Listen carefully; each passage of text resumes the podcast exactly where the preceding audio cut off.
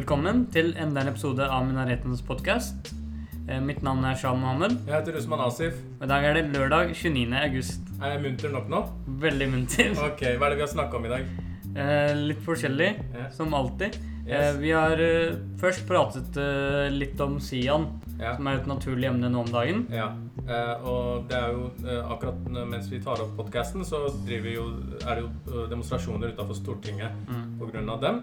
Eh, vi har vært innom eh, noen tekster. Annet eh, Morten Miksvold har skrevet noe i forbindelse med Sian-demonstrasjonen i Bergen. Mm. Eh, så har vi snakket litt om terroristen i New Zealand. Mm. Eh, om reaksjoner på det der, altså Ja. fra pårørende. Mm. Den saken har jo endelig blitt Ja. Han har endelig fått sin dom Ja. etter ett og et halvt år. Mm. Det var, har vært spennende å følge med på. Ja, og så har vi vært innom noen etikkspørsmål som er veldig viktig for deg. Ja. Eller? Sånn eh, Hva er det heter, da? Søskenbarnekteskap? Nei, jeg snakker om oljefondets ah, ja, ok. ja, Det kan være etiske retningslinjer. ja. Men vi har snakket om begge deler. ja, ja, vi har snakka om søskenbarnekteskap og at det er forslag om å forby det. Ja. Eh, Så har vi noen spennende tanker om det, da. Ja, vi, det har vi. Eh, jeg lærte noe fra Shan for en gangs skyld. Yes. Eh, ja, og så har jo jeg tenkt litt på, siden det er Muharram-måneden, så har jeg tenkt litt på eh, konflikter i klassisk muslimsk tidsalder. Det Ja, ja. er noe alle tenker på i Muharram. Ja, ja, ja, ja. Yazid og hans far Moabia og Hussein og hans far Ali. Så har vi snakket litt om det, hvordan det har påvirket eh, eh, teologien, da. Eh, Det kommer også en liten episode litt senere Mm. eh, som skal være en anmeldelse av eh, Zizar Shakar sin bok. okay. Som jeg har lovet mange folk, ja. men vi ikke fikk tid til denne gangen. da. Okay. Men uh, håper dere liker episoden. Yes. Uh, Lytt og del videre, og bli med i Facebook-gruppen vår. Nice, bra.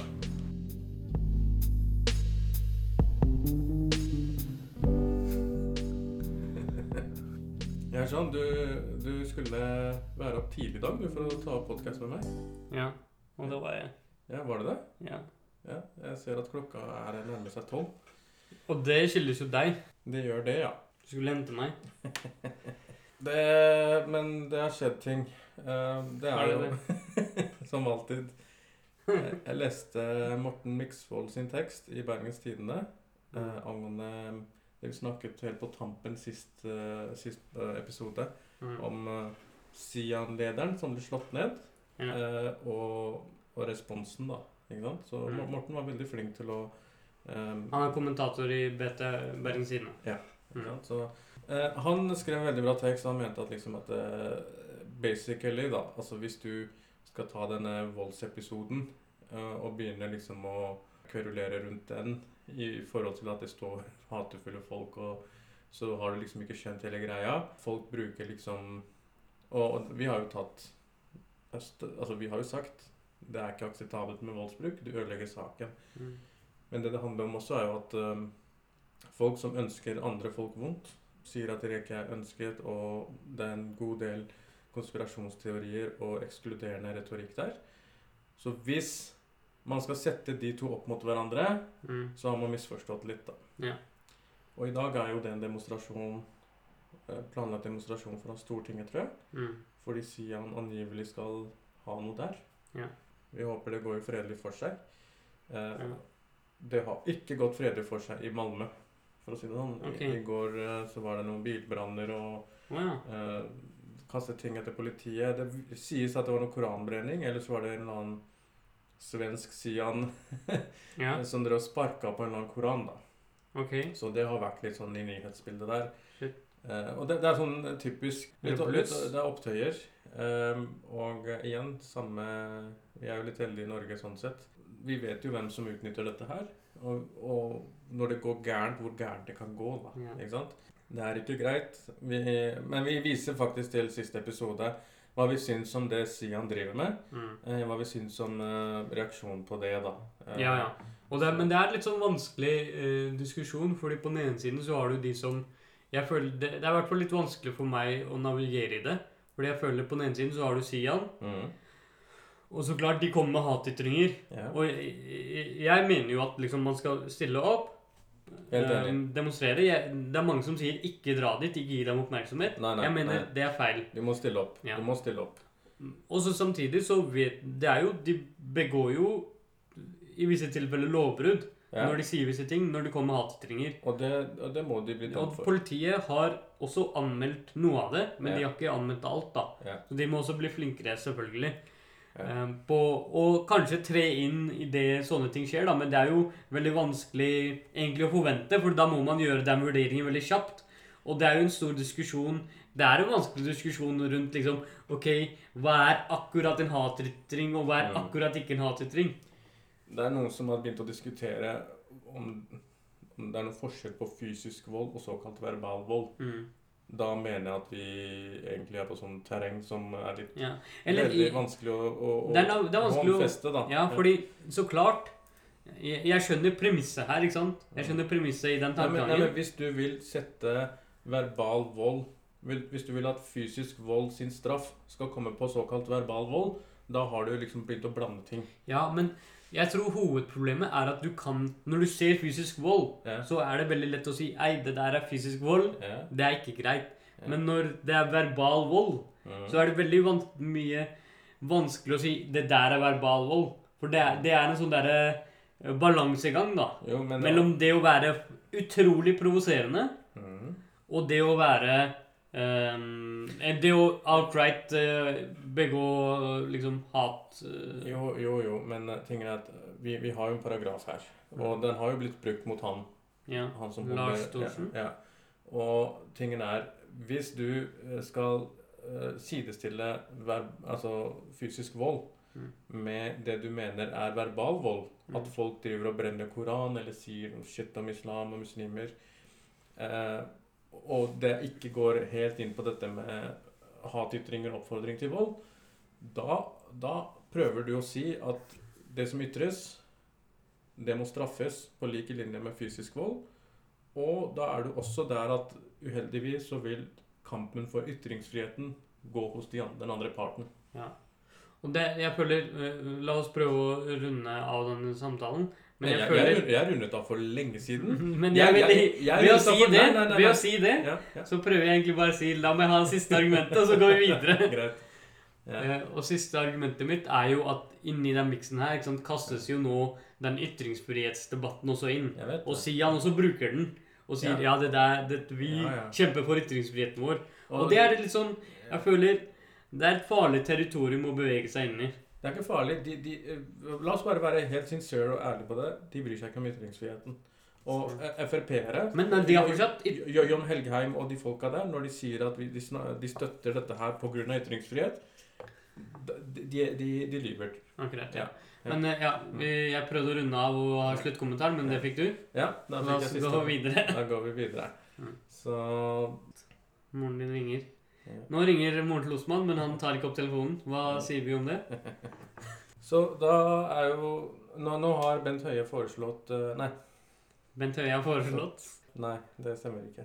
Eh, Høyre eh, har foreslått eh, eh, at eh, de ønsker å forby søskenbarnsekteskap. Ja. Eh, De tilføyer seg rekken over eh, partier. Jeg tror Ap og eh, FrP, Frp er på banen der. Deilig. det. Eh, Bent Vi har jo Høie tidligere også identifisert at Ap og Frp er, Ja. mener det samme om veldig mye. Uh, Bent Høie gikk ut i pressen og uh, sa at uh, hans oldeforeldre eller noe sånt, var faktisk søskenbarn. Og han, var, han var ikke så veldig positiv til forbudet, selv om han skjønte liksom altså hele pakka. Og jeg, jeg må ærlig innrømme jeg har, Altså det, det er litt sånn vanskelig tema i den forstand. Jeg, jeg syns ikke Jeg syns jo at barn sin helse er viktigst her. Og Ja. hvis det er risiko for at barn Det er økt risiko for at uh, sykdommer osv. oppstår som følge av en slik form for ekteskap, som er på vei ned. Som er på vei ned. Um, Men det er også Ja. Det, det stemmer nødvendigvis ikke. hva da? At um, du For det har lenge vært en sånn big talking point Mm. rundt forbud ja, av dette, da. Av Mm. ekteskap mellom søskenbarn. Ok. At, helse, at eh, de har dårligere helse, og det kan oppstå komplikasjoner og sånne ting. Mm. Men det har blitt gjort en del forskning på det her. Okay. Og forskningen tyder på at i stor grad så stemmer ikke dette her. Og det er i, så, i, i den grad det stemmer, Mm. så er det snakk om veldig eh, Det er en snakk om marginal endring, da. Okay. Eh, og, men Det som det kan Bare for å sluttføre det poenget mm. det, Hvis det er liksom gjennom generasjoner Ja, at det kun er søskenbarn, Ja. så. Kan risikoen være høyere. Men det, det, her et stort eh, liksom um, talking point her også, Mm. det er uh, hvor, hvor man ser på og greit em, Hvis du får barn etter en viss alder, Mm. så vil også den risikoen være til stede. Den Ja, samme ja. risikoen som det er for Ja, ja. Og da foreslår jeg at man, hvis man skal forby folk å gifte seg med søskenbarn, Mm. at man skal by, forby folk å gifte, få barn etter en viss alder. Ja, og det er Ok, så du er veldig pratsom i dag. Eh, det, det som Jeg er. Jeg sa til deg jul av kaffe.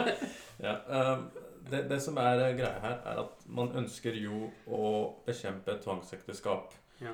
Og man tror at dette her er et verktøy eh, for å bekjempe det. Jeg tror det kan bli uheldig, eh, nettopp fordi det du sier. For det første, det har blitt vanlig, og det burde bli enda mer vanlig, at når eh, to personer ønsker å få barn, at de oppsøker lege og ser liksom eh, hvilken anlegg de har. Og liksom, Mm. ikke sant? Det, det, er blitt, det er vanlig f.eks. i USA osv. Om det er søskenbarn, om det er eldre, om det, uansett hva det er. Eh, nummer to, Mm. problemet er jo at eh, Altså, og, og det er liksom i enkelte miljøer, bl.a. i sørasiatiske, spesielt blant muslimer, eh, og fra muslimske land, så er det liksom, i hvert fall i Norge, da, så er det stor eh, forekomst av søskenbarnekteskap tradisjonelt som har begynt å redusere seg. Mm. Veldig. Det har begynt å redusere seg veldig mye. Eh, eh, og det som er greia her, er at det er en link mellom at søskenbarnekteskap i de miljøene eh, skjer, og at det også er en risiko samtidig for tvangsekteskap. Mm. Ikke sant? Eh, men da må man egentlig, synes jeg, man må snu det litt. Eh, eh, da må man snu det litt, og det man, fordi hvis man ikke angriper tvangsekteskapselementet, og generelt får til et forbud mot søskenbarnsekteskap, så har jo du liksom artikler sånn som Bent Høie kommer med, da. Mm. Ikke sant? Eh, og hvem er vi til å moralisere i forhold til dette her? Fordi, men da vil jo liksom eh, Da vil jo liksom folk si Men hva er f.eks. incest? Ikke sant? Folk har ulik oppfatning. Hva er incest? Ja, ja, men folk, folk, folk har jo ulik oppfatning av hva, eh, hva en familie er, Ja. og hva som er moralsk sett forbudt å gifte seg Ja, ja. med. Ikke Men jeg syns det er veldig ironisk at eh, det liberale partiet Høyre Mm. ønsker å innføre et for, liksom sette inn et forbud mot hvem folk skal gifte seg med eller ikke. Og det, og det i dekke av, som du sier, tvangsekteskap. Ja. Hvis du vil bekjempe tvangsekteskap, Ja. så må du tenke litt mer gjennom problemstillingen. Ja. Ikke bare tenke ok, greit, la oss forby dette. Og jeg bemerker meg Mm. at det, i en del miljøer, Mm. eh, spesielt blant høyrepolitikere, Mm. virker dette som nærmest en selvfølge. Mm.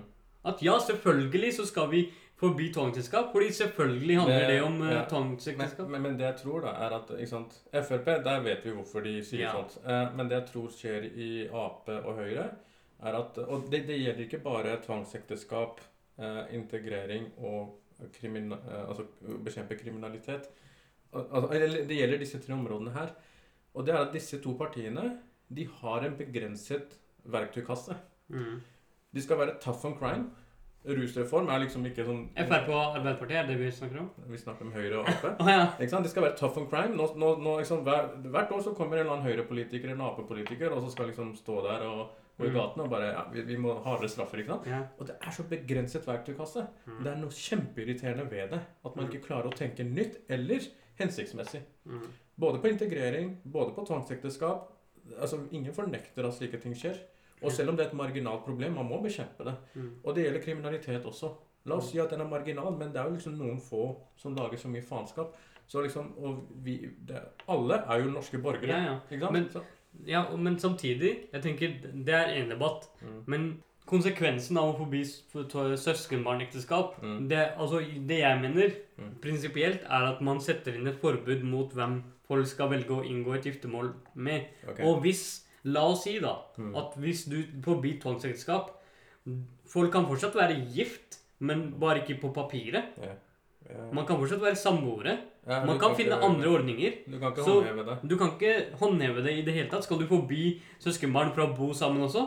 Ja, ja. Fordi det, det, I bunn og grunn så er det jo det de burde egentlig da sette et forbud mot. vet du hva som er morsomt?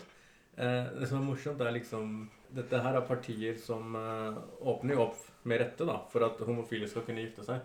Ja. Ikke sant? Og det er også et moralsk spørsmål. Eh, og i de miljøene hvor søskenbarnekteskap per tidspunkt er stor forekomst av, de er jo veldig imot homofile ekteskap. Så Ja. liksom hvilken type ekteskap skal være lov og ikke. Ja. det var en fin- pekuliær eh, point fra min side. ja, det var det. Veldig. Eh, men eh, samtidig Og Bent Høie er jo uh, Syns jeg hadde en veldig fin eh, artikkel på det. eh, jeg syns det var veldig interessant det han skrev. Ja. Jeg, jeg hadde en liten diskusjon eh, Eller jeg ble jo spurt om det av en partikollega. Og Ja. da, da sa jeg at jeg lenge har vært imot et sånt forslag. Eh, og nå nylig muligens så har jeg liksom beveget meg litt. Men etter å ha lest det Bent Høie skrev, så tenker jeg at eh, Og etter at det du sier nå, så føler jeg liksom at dette her er egentlig gærne veien å gå. Mm. Eh, det må jeg innrømme. Eh, så, men jeg vet ikke hvorfor det er en debatt nå. Shazia Majid har jo sagt noe rundt det. Hun har skrevet ganske mye da hun jobba i VG. OK. Ja, ja, hun pleide å skrive, og hun sa noe nylig også. Hun sa at dette er et problem. Eh, tvangsekteskap og relatert til søskenbarnsekteskap er på vei ned. Mm. Betyr jo ikke at det ikke er et problem, Mm. men at det er på vei ned. Og en lovgivning vil på en måte gi en motsatt effekt. Ikke, Ja, det vil jo. Ikke, ikke at det øker, men at du, du angriper et problem. Du angriper den ikke. Ja. Så ja. Nå nylig så fikk eh, terroristen i New Zealand Ja. Uh, Han fikk uh, dommen sin. Mm. Uh, det gjorde noen runder på sosiale medier at ofrenes pårørende og Mm. familie fikk lov til å komme til rettssaken, rettssalen, og de fikk I vitnesbyrd. ja, ja, og de fikk snakke til ham. Mm. Og det jeg likte med det, var at folk, folk sa jo forskjellige ting. Ja. Han drepte jo 51 mennesker. Han skadet 40. Mm. Og i store og hele så terroriserte han newzealendere. Mm. Han terroriserte spesielt muslimer i New Zealand. Mm. Og folk er liksom mentally scarred for Mm. livet. Mange. De er redde for å gå til moskeen. Yeah. Så folk eh, der, pårørende, de sa forskjellige ting. Yeah. Noen sa at uh, du Det du gjorde, det påvirker ikke meg. Noen Mm. sa det du gjorde, det styrker min tro. Ja. Eh, noen sa at liksom du er en feiging. Mm. Han ene sa jo at du drepte en tre år gammel unge som var i mine armer. Ja. Eh, det var trist å høre. Eh, det var unger, liksom. Mm. Ehm, han satt jo bare der, han terroristen. Eh, så var det en afghaner som eh, Mistet faren sin. har mistet faren sin. Svær, sterk afghaner. Jeg tror han drev med rugby. Mm. Eh, og han viste liksom fingeren til ham, Mm. begge hendene, og sa liksom Hadde du møtt faren min hand to hand, så hadde han Ødelagt deg. ødelagt deg, knekt deg i to. Yeah. Og han banna til ham liksom 'you scum'. Yeah. Og det likte jeg. Og yeah. Grunnen til det er fordi at man har begynt å sanisere. Eller liksom Motreaksjonen skal alltid være sånn snill, tilgivende, Tilgivende, ja. eller sånn kjærlighetsfylt. Mm. Og det kan funke for noen, Ja. men, ja. men folk er sinte. Mm. Og det at det får utløp, det syns jeg er veldig bra. Jeg, jeg syns bare det er spesielt at folk skal prøve å moralisere en person som har mistet faren sin, og vedkommende som har drept faren hans, sitter rett foran han. Mm. Og så skal man prøve å si nei, du burde reagert annerledes. Mm. Det er litt som du, Jeg er helt enig i det du sier der. Mm. At så klart, noen for noen Mm. vil det å måtte tilgi være en vei til forsoning. Mm. Ikke sant? Å være en del av den Ja. prosessen med å ja, Altså, man kommer seg ikke gjennom det på noe vis, men å le, kunne leve med det. Ja. Eh, mens andre må få lov til å få utløp for sin eh, For sin frustrasjon Ja. og for, sin, for sine tanker. Og det er en del av deres prosess videre opp i dette her. Mm. Jeg tenker sånn 50 mennesker døde. Ja. Christchurch eh, Jeg sjekket nå. Det er en by bestående av 350 000 mennesker. Mm. Ikke sant? At 50 stykker dør i den byen, Ja. det, på, det er jo liksom en massiv eh, påvirkning. Og jeg tipper hele byen er liksom eh, sterkt påvirket av dette her. Og jeg tror ikke vi kan forestille oss engang de konsekvensene dette har hatt for det lokalsamfunnet. da. Bare tenk deg Det, dette er, Vi sitter i Norge. Dette er liksom Ja, ja. På, helt på andre siden av verden. Nei, nei, kan men ikke forestille oss den eh, tenk deg eh, terroristen i Norge. Moskéangrepet i Bærum. mm, Han drepte jo ingen. mm, Han fikk ikke mulighet til det I moskeen. i moskeen. Mm. Han ble overmannet. Eh, og dette skjedde jo etter New Zealand. Mm. Han ble overmannet. Fortsatt er folk som tilhører moskeen, redde når de ber. Mm. Ikke sant? For, og vi, alle vi kjenner noen som var der. Mm. Du tilhører den moskeen, jeg kjenner deg, og jeg fikk jo vite ting direkte fra deg. Folk er jo redde. For-. Og så hver gang det er id nå Mm. Folk er litt sånn Mennene går jo til moskeen på id, Mm. eh, og liksom Kvinnene sier 'vær forsiktig', ikke Mm. sant? Litt sånne ting. Barna skal på id. De skal pynte seg, de skal på id. Så det er en frykt. Så han fikk lovens strengeste straff. Eh, vi kommer sikkert tilbake til noen mer analyser på det. Eh, men det er det som er foreløpig. Jeg syns bare det var veldig fint at folk fikk ut sinne også. Ja. Det er viktig. Ja. Og det har vært en lang prosess. en lang prosess, ja. Tenk deg, det skjedde i mars ja. i 2019. New Zealand har håndtert dette også veldig riktig. Ja. Eh, veldig cred til statsministeren, som også har klart å gjøre det bra under korona. Mm. Og de bannlyste våpen liksom nesten umiddelbart. Mm. Sånn eh, free arm, altså at folk Mm. eh, lett kunne kjøpe det. Ja. Samme som i Australia. Eh, gjorde Australia også det? Ja. Okay. Ikke nå nylig, Mm. men for en stund tilbake. Okay. Bannløste på dagen. Ja, eh, så, og de har liksom Mens USA er helt moralsk forkvaklet på et, Mm. liksom et helt annet nivå. Ja. Tenk om du i USA skulle prøvd å innføre Våpenkontroll? Nei, eh, forbud mot uh, søskenbarnekteskap. det er mange Trump-supportere som sliter. da. Ja. Det som Det skjedde er nesten Jeg tror det er viktigere enn det, det Nei, skjedde, det våpnene deres er fortsatt viktigere. det som skjedde nå nylig, var jo at um, det var jo en uh, afroamerikaner, tror jeg, som ble skutt i ryggen Mm. syv ganger. Ja. Det sies at han uh, han ble jo stoppet, og han var på vei inn mot førersetet. Mm. Og det ble bevist i ettertid at han skulle plukke opp en kniv. Det er ingen unnskyldning for å Mm. skyte noen i ryggen syv ganger. Skal du skyte som en politimann, så skal du på en måte inkapasitere så, såkalt. da. Mm. Bein eller arm. ikke sant? Du skal gjøre noe sånt. Mm. Og så har jo det blitt opptøyer. Så var det en, et, altså en uh, Caucasian man Mm. som har gått rundt med en uh, assault eh, weapon Mm. og drept mennesker. Jeg vet ikke om han fikk drept én eller hvor mange. Midt på natta, åpen gate foran hundrevis av kameraer. Mm. Og nå, etter at han har gjort det han blir jo, Folk prøver å overmanne han. Mm. Han skyter noen, så går han da mot politiet. Mm. Og politiet lar ham liksom gå forbi. Yeah. Den kontrasten der, det er noe Trump elsker. Det er noe han elsker, og vi ser allerede nå målinger fra den byen endre seg litt i favør av Trump. Mm. Han henter inn på liksom forspranget Biden har, da. Og det er jo det hele kampanjen er på. Hat. Eh, og lage det splittgreiene her. Mm. Men så har jeg tenkt eh, litt eh, i forhold til at det er jo muharram. Ok. Eh, og vi snakket jo litt om eh, Imam Hussein og Yazid eh, og kampen der. Så begynte jeg å tenke litt på noe Trump? Nei. Begynte å tenke litt på sånne interessante historiske ting, da.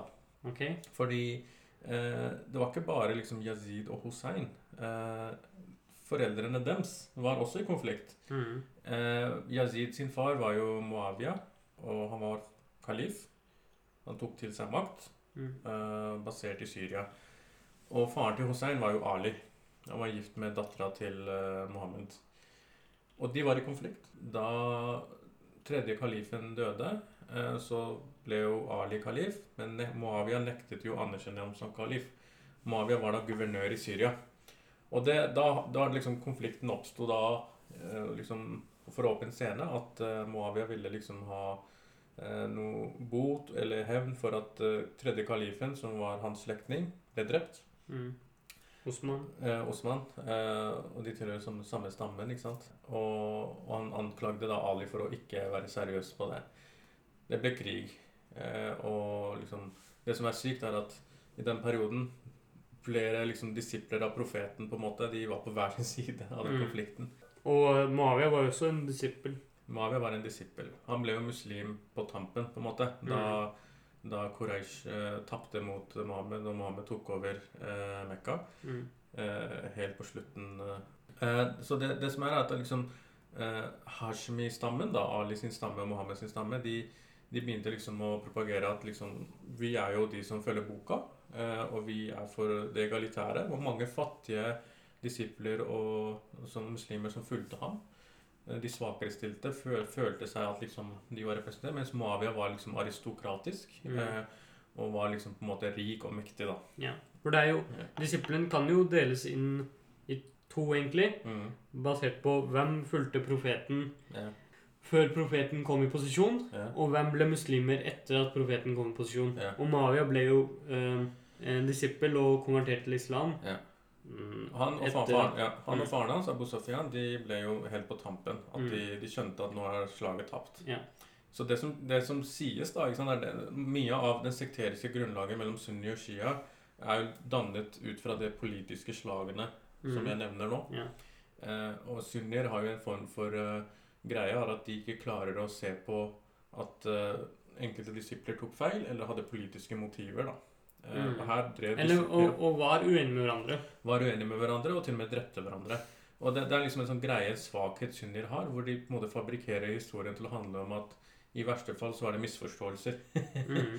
Mens shiaene på den annen side er jo liksom Det er litt mye Altså de, de er veldig kritiske til det bildet der, og de begynner jo å snakke om at det var mye power structure og hunger og kniving. Mm. Eh, så kan jo de også begynne å liksom glorifisere eh, dem de mener på en måte er rettmessige, da, altså Ali og Hussein og Mm. eh, Ahle Beit, altså den hellige familien. da. Mm. Eh, så det som er interessant her, da, er at eh, på en side så har du liksom the underdog, eh, på den annen side så har du den sterke mannen. Mm. Og hvordan to sekter klarer å fremstille dem som på en måte enten liksom uheldig bivirkning av maktkamp, eller så liksom sånn ondt mot godt, da. Ja, det onde mot det gode. Det er jo den historien. Det er den historien.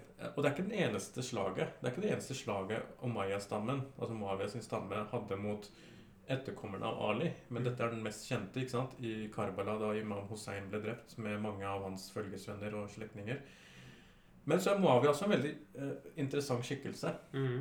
For han kapret jo til seg makt. Mm. Ikke sant? Og, og, Og han nektet egentlig å direkte underlegge seg mm. Ali.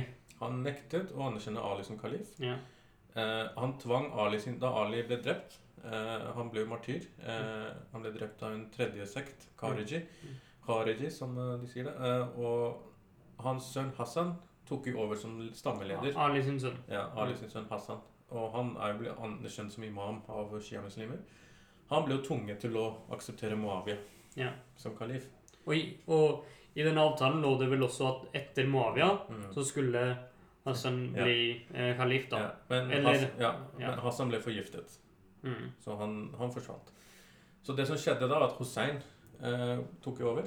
Mm. Eh, og han var jo basert i Medina Mm. sammen med sønnene til Abdullah, nei, av, av Zubair ibn Awam. Og Mm. blant sønnene til Zubair var jo Abdullah ibn Zubair. Han var også en av contenders til Mm. kalifatet. Så da eh, Moavia signaliserte at sønnen hans skal bli kalif, Mm. så begynte jo ting å skje. Ja. Abdullah ibn Zubair begynte å rasle litt, eh, og Hussein begynte å rasle litt.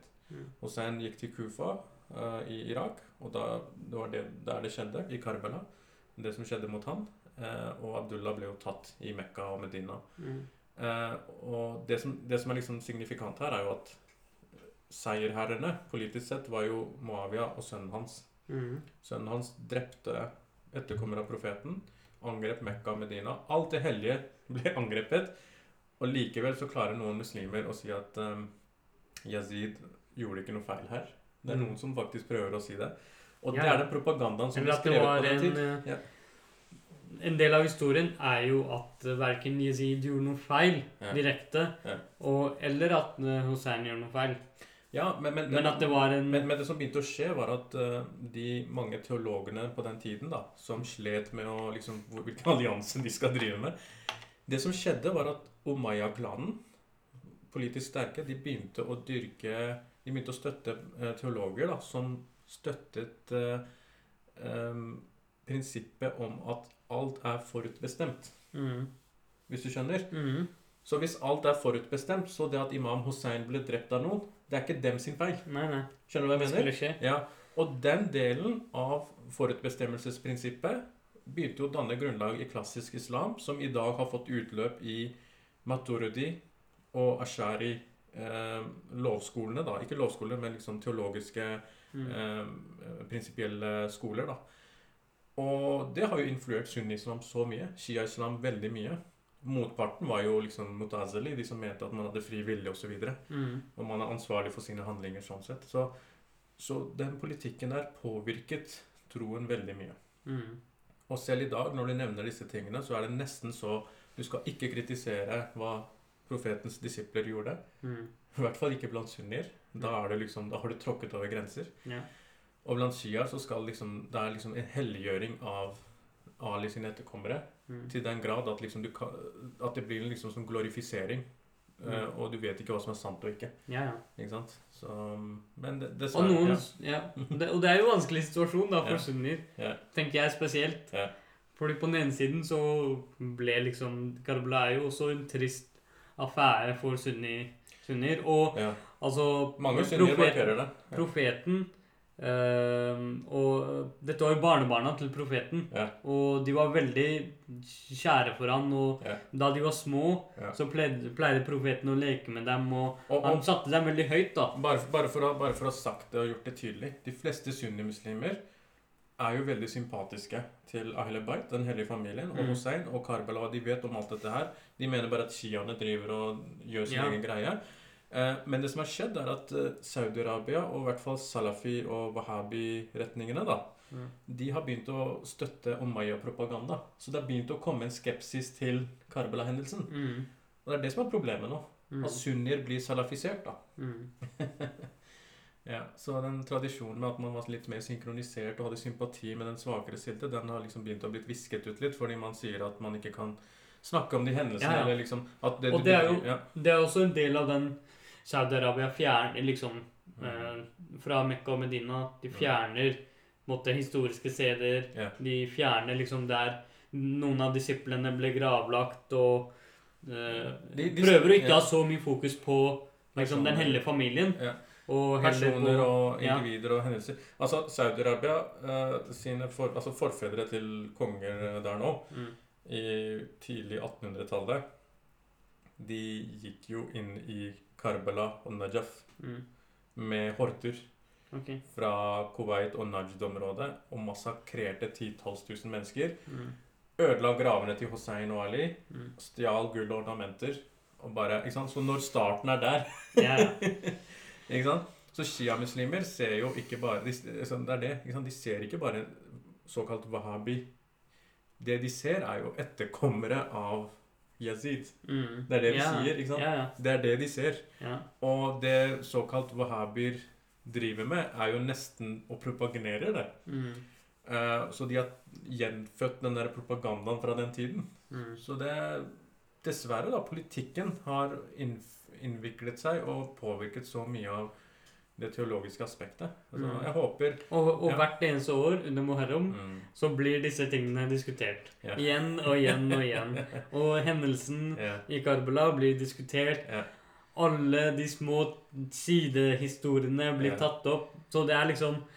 Evig, evig syklus. evig syklus. Det jeg tror ikke man kan bli noensinne ferdig med å liksom diskutere alle de små tingene som skjedde her. Jeg, jeg, jeg tror man har en fordel av å være litt ærlig. Mm. Eh, og, tro at, og vite at liksom din sekteriske overbevisning da ikke er avhengig av at du er ærlig om historien.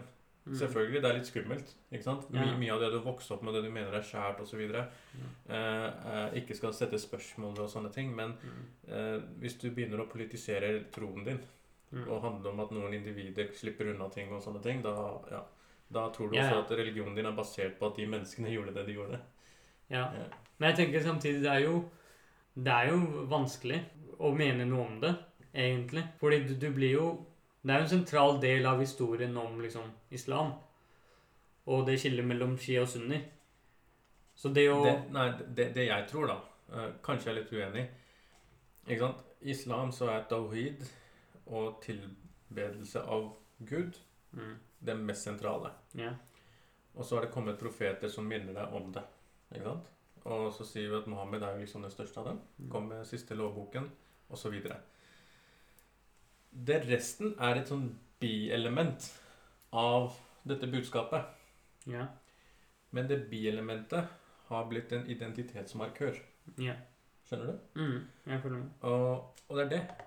Vi slutter å snakke om konseptet tawhid, om wahdatul wujud, dvs. Si panteisme, om vi er en del av Gud, eller om vi skal tilbake til Gud.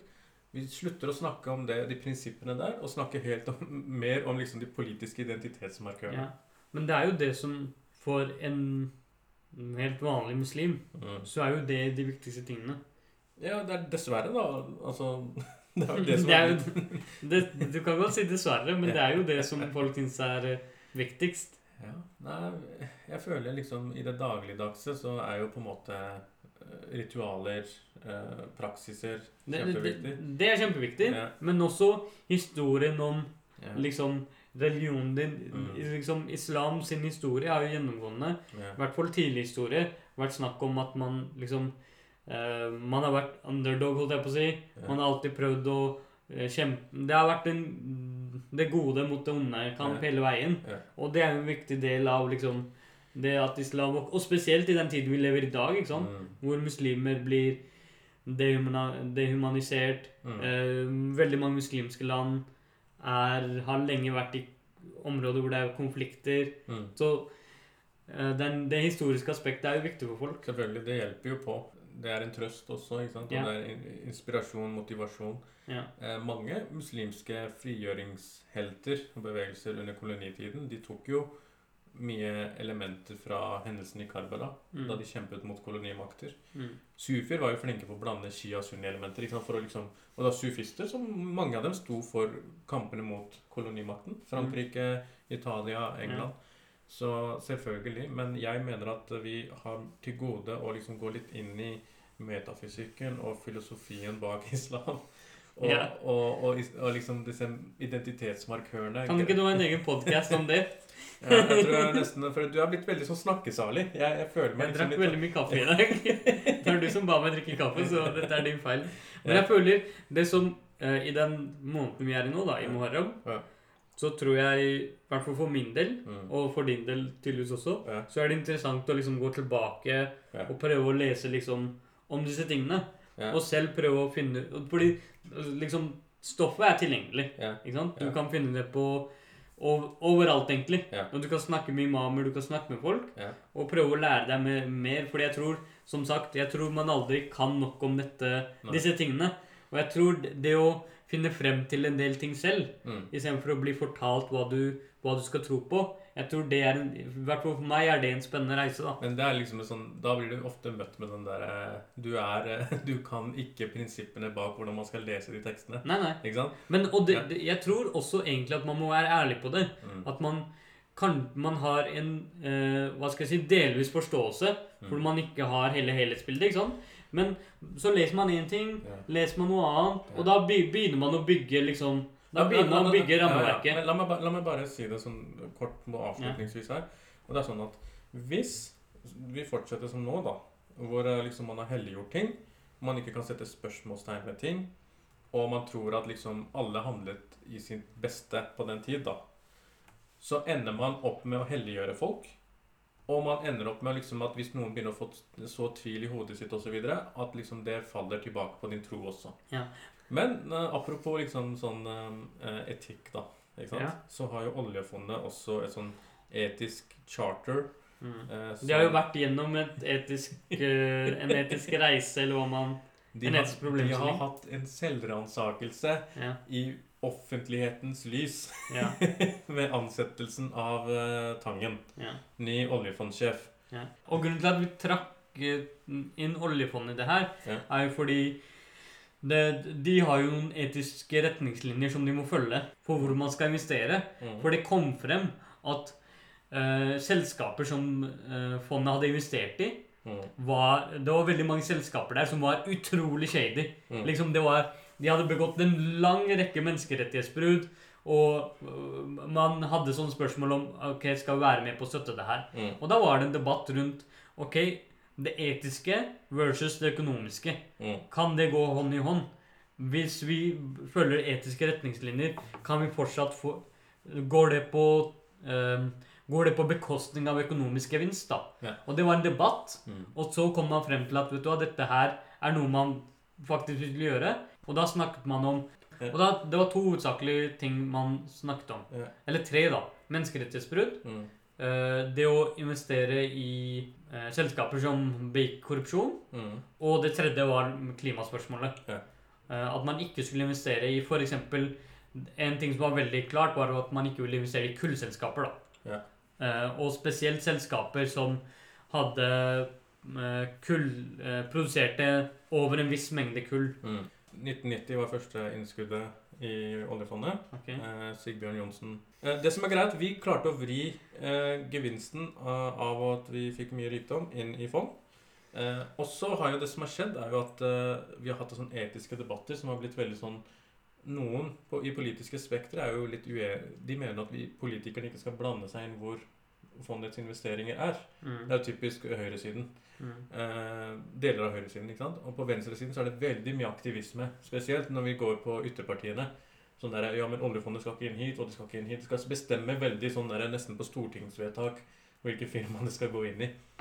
Men så nevnte du noe veldig interessant eh, for noen dager siden. Fordi vi drev og snakka om dette med renteforbud og islamic banking. Og du sa at men du syns jo at det ene aspektet som man ikke snakker så mye om, og det er jo dette med etiske investeringer. Mm. Og det er nettopp det oljefondet driver med. Om, eller i hvert fall prøver på liksom å Ja. Fordi oljefondet er jo en utvida på en måte, arm av staten Norge. Mm. Og Norges interesser og Norges idealer skal hovedsakelig prøve å sammenfalle. Mm. Og i de idealene og interessene så har du oljefondet som skal balansere mellom inntjening og hvilke signaler vi sender ut. Mm. Ergo Tangen-saken. Eh, så er det noe man kunne tenkt for seg å, å ha liksom i, form, i form av det som man kaller for islamsk etisk investeringer. Mm. Er det noe muslimer har tenkt rundt? Mm. Hva er en etisk investering? Eh, og hvorfor er ikke det så mye engasjement rundt den saken? Mm. Istedenfor kun på renter, da. Eh, Det er nok et veldig enkelt svar, fordi folk uh, har lån. Mm. Og lån er en viktig del av liksom, Ja. livet her i Norge. Ja. Det liksom, systemet her er laget sånn at du skal få deg jobb, Ja. ta opp et boliglån, og så bruke 25 år på å betale ned det boliglånet. så folk bryr seg naturligvis mer om lån, da. Ja. Eh, og tradisjonelt sett så har jo Det er nå først, kanskje de siste ti årene, Mm. at muslimer begynner å bli en, få ganske mye større kjøpskraft. Mm. Og så komme inn og ha penger tilgjengelig for å kunne investere. I hvert fall her i Norge, da. Okay. Så derfor har det kanskje ikke vært så mye interesse rundt dette her, kanskje før nå, da. Mm. Um, og det, det er sant som du sier, oljefondet har jo etiske retningslinjer som de må følge. Ja. Ganske strenge også når det gjelder det å selge eh, At man ikke skal bidra til å selge våpen Mm. som blir brukt eh, til å liksom skade mennesker, holdt jeg på å si. Mm. Så de, de retningslinjene er jo der. Men det som er vanskelig, er jo at ok, man, man kan lage en sånn type fond, men det vil alltid være Eller Statens pensjonsfond utland er jo en light-versjon. ikke sant? Mm. Det er sånn, ok, det, det følger noe ting, Mm. og det følger noen prinsipper, Mm. men det er ikke alt man er innafor. Fordi når det gjelder Hvis det skal være en halal investering, så har de også retningslinjer i forhold til at først og fremst man skal dele risikoen. Mm. Ikke sant? Banken eller institusjonen som i- eh, utsteder fondet, og den som putter inn penger der, Mm. skal dele på risikoen. I tillegg så skal det være snakk om at man ikke skal ha en, så og så mye gjeld i Mm. selskapet. Så det er en del kriterier, da, sånn sett. Uh, så, men absolutt, det er jo mulig å, mulig å få til. Mm. Eh, og det burde være interesse for det. Og jeg tenker, hvis man investerer i f.eks. i fond, klimavennlig fond, holdt jeg på å si, så i stor grad så investerer man halal, da. Ja.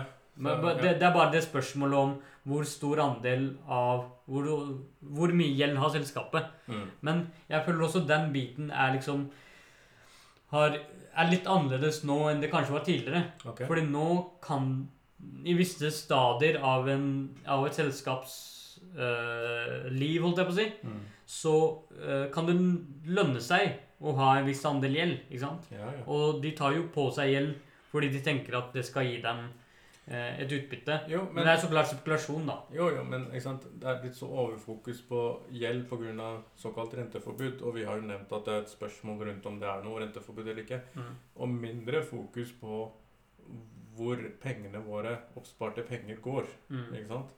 Og det etiske rundt det. Mm. Uh, og jeg syns jo det er et mye mer interessant spørsmål. Om dine investeringer bidrar mer til å skade andre. Mm. Om det er natur, som er Guds skaperverk, Du skal jo forvalte jorda på ikke sant? Du skal ikke sløse osv. Det, Mm. er ikke det er ikke forbudt å være rik i islam. Men du skal liksom ikke bedrive med skade. da. Ja. Og, og skade andre mennesker. Liksom. Investeringer som går med til menneskehandel, utnyttelse av arbeidskraft og ja, moderne slaveri. Ja. Eh, så, så disse tingene er liksom, syns jeg jeg savner. Jeg savner eh, engasjementet der. Mm. Eh, I stedet for det jeg mener, da, Mm. er et litt mer sånn overfladisk fokus på renteforbud. Mm. Ja. Um, det er helt klart. Men det, det, det, det jeg tror er litt vanskelig, er fordi man tenker Greit, jeg investerer, Mm. men jeg vet egentlig ikke hvor pengene mine ligger. Ja. ikke sant? Og jeg vet ikke Potensielt så kan det La oss si du investerer i Apple, da. Og i en eller annen del av verdikjeden til, eller produsentkjeden til Apple, så Mm. vil det være at de produserer kanskje kameraene sine et sted hvor det er kanskje slavearbeid i prinsippet som pågår. Ja. Og så, så man har liksom ikke den transparente verdikjeden Mm. som gjør at man kan forsikre seg om disse tingene, da. Men, men der er jo liksom konsumentens makt, da. Ikke Mm. sant? Når man prøver å si at muslimer har en uh, makt som konsumenter i forhold til at vi nå vil vi ha renteforbud og banker for oss. Mm. Ikke sant? Og noen prøver å si at ok, vi skal tilby dere det. Mm. Så kan jo muslimer begynne å kreve. Uh, vi investerer i det og det og det. Vi ønsker en viss transparitet. Mm. Ja, men ting der, jeg tror det er en teknologisk begrensning på, på akkurat det. Mm. Fordi hvordan kan du få den eh, Hvordan kan du få det, da? Mm. Hvordan kan du få innsyn i alle deler av verdikjeden? Eller kanskje ikke innsyn engang. Mm. Bare at det, en uavhengig tredjepart Ja, ja. eh, rater Mm. verdikjeden. Og det er det som er liksom ille med disse ratingbyråene.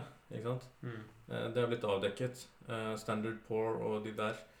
Det, det er gjort forskning på det, og det sies at jo bedre du rater, jo bedre tjener du. Mm. Og det er faktisk et alvorlig problem. Mm. Bankene får god rating, og da fakturerer ratingselskapet jævlig mye. Mm. Og man kan ikke bevise at man har gjort, jobbet flere timer eller noe sånt. Nei. Så liksom de driver liksom en sånn sirkel av eh, ikke sant? Og bankene sparer jo milliarder på å få god rating. Ikke Mm. sant? Fordi de skal jo låne for andre. Yeah. Så liksom, og sånne ratinger, det blir Men det jeg syns, er at uh, f.eks. man må tenke litt utradisjonelt. Man må, for å få transparitet, så må man kreve at journalismen og journalister og aviser eh, har en trygghet i gravende journalistikk. De kommer hele tiden med avsløringer om eh, firmaer som bedriver med ditt og datt. Det har blitt avdekket at mange selskaper eh, har fabrikker i Kina hvor arbeidere er uigur-muslimer, så har blitt tvunget til å jobbe i de fabrikkene. Mm. Sånne ting har blitt avdekket. Mm. Og hvis man legger til folkelig sinne rundt sånne nyhetsoverskrifter, jeg tror det har en positiv innvirkning. Folkelig sinne, Ja. og at folk faktisk begynner å betale for å lese de nyhetene. Fordi den gravende journalistikken, den koster penger. Du jobber i Schibsted? Jeg har, jo- nei, jeg, jeg har jobbet i Schibsted. I media. Og jeg vil bare fremheve Og greit, ikke all journalistikk man er enig i, og det skal man heller ikke være enig i. Men hvis man jeg, jeg har sett fra innsiden, Ja. og folk sier de vil ha gravende journalistikk, de vil ha lange artikler. Men i, i prinsippet, det er ikke det folk vil ha. Mm. Ikke sant? Man, man ser på lesetallene hvor folk putter sine klikk, holdt jeg på å si. Mm. Man ser det, og det, det han, liksom, ting kommer øverst. Altså, Folk klager på at det er bare klikksaker som er øverst. ikke sant? Mm. De klikksakene kommer øverst fordi de har ligget på bunnen et eller annet sted, Mm. men de har generert så mye interesse at de har kommet på toppen. Mm. ikke sant? Så her må man, hvis man vil ha mer journalistikk, Mm. så må man også være villig til å betale den summen det koster å ha et avisabonnement. Mm. Enten digitalt eller på papir. Jeg støtter det. Ja. Ja. Så, og jeg liker ikke sånn derre type eh, eh, Men det er sånn høna og egg eh, også, syns jeg. Sånn. Det er ikke så enkelt at det er klikk eh, Hvor var det det startet, ikke sant? Så liksom eh, Hvis du ser Det startet Skal vi ta mediehistorien Nei, om vi avisen? Vi er godt på overtid nå. Ja. Til en annen episode. til en annen episode. Jeg håper det har vært interessant og spennende, det vi har snakket om i dag. Sean har vært litt ekstra giret. Det har vært det tunge godt, temaer. det er godt Jeg har alltid tunge temaer. Er det så tungt? Ja. Jeg føler du at liksom byrden er lettet? Ja. Uh, Sean har vært gira i dag. Jeg føler liksom det er sånn livsgnist i ham. Det er, Ja. eh, det er ikke han, men det er fint å vite. Ja. Uh, og jeg håper dere nyter nøt episoden. Mm, Hvilken graf er det du driver og ser på? Jeg driver og ser på koronastatistikk. Ah, ja. uh, fordi, ja det, Ting er på bedringsvei. An, Angivelig. Angivelig. så, så, og det, det, er, eh, det er fritt tilgjengelig informasjon Ja. hos VG. Jeg syns uh, Betaler du for VG? Bare for å avslutte Bare for å spørre, betaler du for VG? Bare for å avslutte episoden, så syns jeg VG burde faktisk få en pris for det arbeidet de har gjort Ja. under koronakrisen. Veldig imponert. Jeg liker vanligvis ikke sånne tabloidaviser. Men jeg vet ikke om de har kanskje fått midler fra staten for å liksom jobbe med akkurat den biten der. Det, det tror jeg hadde vært øh, forståelig. Men det hadde vært forståelig. Ja. Eh, men dette her er veldig bra nyttig informasjon. De har åpnet opp den informasjonen til folket. Og det er, så her har de vært veldig flinke. Nei, jeg betaler ikke for uh, det der. Men jeg abonnerer heller ikke på VG, da. Kanskje du burde gjøre det, da. Ja. Nei, det går greit. Klarer meg fint. Yes. Eh, håper dere deler. Eh, del mer. Eh, vi setter jo pris på at vi får eh, tilbakemeldinger fra folk. Veldig hyggelige tilbakemeldinger. Og vi glemte en ting, da. Hva da? Eh, vi har jo lovet folk at vi skal anmelde uh, Zishan Shaka sin bok. Gul bok. Og jeg har sittet oppe i hele natt og lest den boka fordi vi tenkte at vi skulle nevne det i podkasten. Vi skulle ha en stor del av episoden i dag som skulle handle om det der. Ja, Og du har lest boka. ja. Kanskje vi skal lage en liten episode om det? Uh, ja, kanskje. Uh, Kanskje det? Kanskje dere ser en liten episode Ja. om det. Muligens. Yes, men eh, lik og del. Uh, spre ordet. Takk skal du ha.